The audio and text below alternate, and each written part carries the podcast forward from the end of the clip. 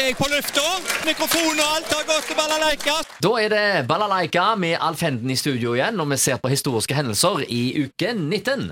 Ja da, og jeg begynner med en fødsel i 1920. Han ble født foran skjema. Per Jorseth. Og har en runde på 35,4 og ligger nøyaktig to sekunder under et skjema til 7.20 i sluttid. Per Jorseth vet du, hadde rundetiden under full kontroll. Oh ja. oh ja. Og han, eh, han var jo da som regel i tospann med Knut Bjørnsen. da, og Det var ikke bare skøyter, det var også friidrett, forresten. Um, men han kom alltid med dette skjemaet sitt, da, og uh, det var jo det, var, det jo for så vidt en, eh, en vits, men uh, det har skjedd at det har kommet ut damer fra kjøkkenet og spurt hvem er skjemaet.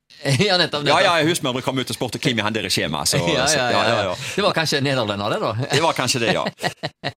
Men Per Jorseth han hadde full kontroll og en, en, en kløpper i hoderegning. Og jeg husker fra den tida hvor uh, tidene kom opp på TV-skjermen elektronisk, så kunne han enkelte ganger korrigere rundetida. Den må være feil, sa han. Uh, Ja. Så da korrigerte han det til det rette. Å ja. ja da. Per Josef altså født i 1920. Uh, 1930. Elisabeth Grannemann født. Skuespiller og sanger. Eh, forbinder henne først og fremst med revyer. Og ikke minst i et underholdningsprogram på eh, TV. eh, der eh, ble han sang jo duett. sang altså med Kåre Willoch. Han snakket på en måte, og hun sang. Flott! Og kjekk og barsk du der står. ikke barsk. Ai, og god gutten vår. Å, god gutten vår. Å, ung og dynamisk. Ja, helt Men du er like Du er like deilig som Roger Moore. Helt uten hår. Gullgutten vår.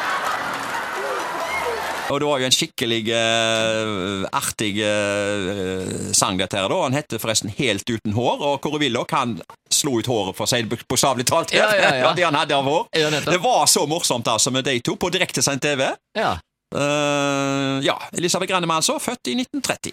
Og så skal vi se på hendelser internasjonalt. Uh, begynner med et dødsfall, holdt på seg, i 1981. Eh, Bob Marley født, reggae-kongen, og mannen bak blant annet No Woman No Cry og I Shot the Sheriff. Skikkelig eh, populære Bob Marley, som altså dessverre døde i 1981. 1985. Det oppstår en brann på fotballstadionet på Bradford City, eh, Valley Parade, som banen heter da. Og Brannen den får katastrofale følger, med hele 56 eh, dødsfall. Eh, Det var jo en gammel tretribune som tok fyr her. og Jeg husker at jeg var på et brannkurs på Årabrot for noen år siden, og instruktøren der han viste en video av akkurat den hendelsen i Bradford, og det er utrolig eh, hvor fort den brannen spredde seg, altså. ja da. Det var snakk om sekunder. Ja, ja, ja. Og etter to minutter så var det full overtenning og panikk, og endte jo katastrofalt, som sagt, med 56 dødsfall, men det var en påminnelse altså hvor fort ting kan begynne å brenne. Så der hadde de ikke gått brannvern, og hadde gjerne Nei. ikke tenkt gjennom hvordan de hadde bygd dette her. Nei, det hadde de definitivt ikke. Det ble jo helt andre type konstruksjoner på tribunene som kom etterpå. Ja, ja, ja. Eh, lokale hendelser. Kinouke 19, 1987. På Edda gikk filmen Momo, Kampen om tiden, en barnefilm der. Så gikk filmen De Amigos, det var norgespremiere på den, og De Amigos det var Steve Martin, Chevy Chase og Martin Short. Det betyr nok at det var en komedie. Sjekk filmen uh, Jumping Jack Flash, med Whoopi Goldberg i hovedrollen. Uh, Whoopi er for Jumping Jack Flash, det Eddie Murphy var for Beverly Hills Purk, sto der i kinoannonser. Og så, vet du, en kjempesuksess. Crocodile Dundee. Hittil sett av 15 300 i Haugesund. Var det Paul Hogan han het? Ja, stemmer det. Ja, fy fader, det var, den tok av, altså. Ja, veldig populært. Og så var det, han var litt original på en måte i forhold til alle Ja. andre sånne eventyrfilmer. Men jeg så eh, Han gikk i reprise på TV3 eller et eller annet her Ja. eh, ene dagen, og eh, kikka på det i, i fem minutter, og da fant jeg ut at dette var jo så dårlig at det var helt utrolig. Jeg kunne ikke ja. forstå hvordan vi kunne synes at dette var så fantastisk den gangen, men det var en sjarm med det, antageligvis. Ja, og det var faktisk en film fra 1987, altså. Så Ja, han burde ja. gjerne vært litt bedre, selv selv om vi sett det med briller i 2022. Ja, ja, ja. Så det er nok eh, litt annen kvalitet på det som blir lagd i dag, tenker jeg. Ja. Ok, vi går videre. Vi ser fram mot 17. mai, vet du. 1914. Haugesunds Avis skrev det første norske flagg som er heist i Haugesund, vil i morgen bli båret i spissen for folketoget. Dette flagg ble i 1882 sendt her av Jo Ameln jr., som den gang eide Kortenes. Flagget ble heist i anledning Bjørnstjerne Bjørnsons besøk her. Så vet vi det òg at Bjørnstjerne Bjørnson han var her i 1882. Ja. Ja, og dette flagget her eh, ble altså heist da i eh, 1914. 1973.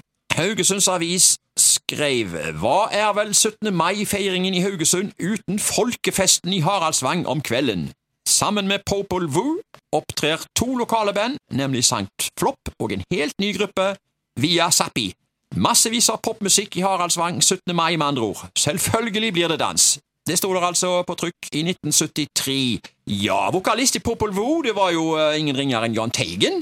Eh, og sammen med resten av bandet, da. eh, Det var jo ganske dramatisk her. Altså, sammen med resten av bandet så måtte han forlate scenen og avbryte konserten fordi at ei tom ølflaske som ble kasta fra publikum, traff trommeslageren i hodet. Så det var ikke bra der. Men disse her 17. mai-arrangementene i Vangen, de Det gikk unna, for å si det sånn. Det tok jo helt av, og eh, det har vært veldig mange av de. Jeg tror nok landstida var 70-80-tallet, egentlig, der, altså. Um, jeg mener bestemt òg at det var en 17. mai um, Ja, det må ha vært i 1978, hvor eh, Haugar arrangerte fotballkamp på stadion mot Chelsea, og dans oppe i Haraldshallen var vel kanskje det.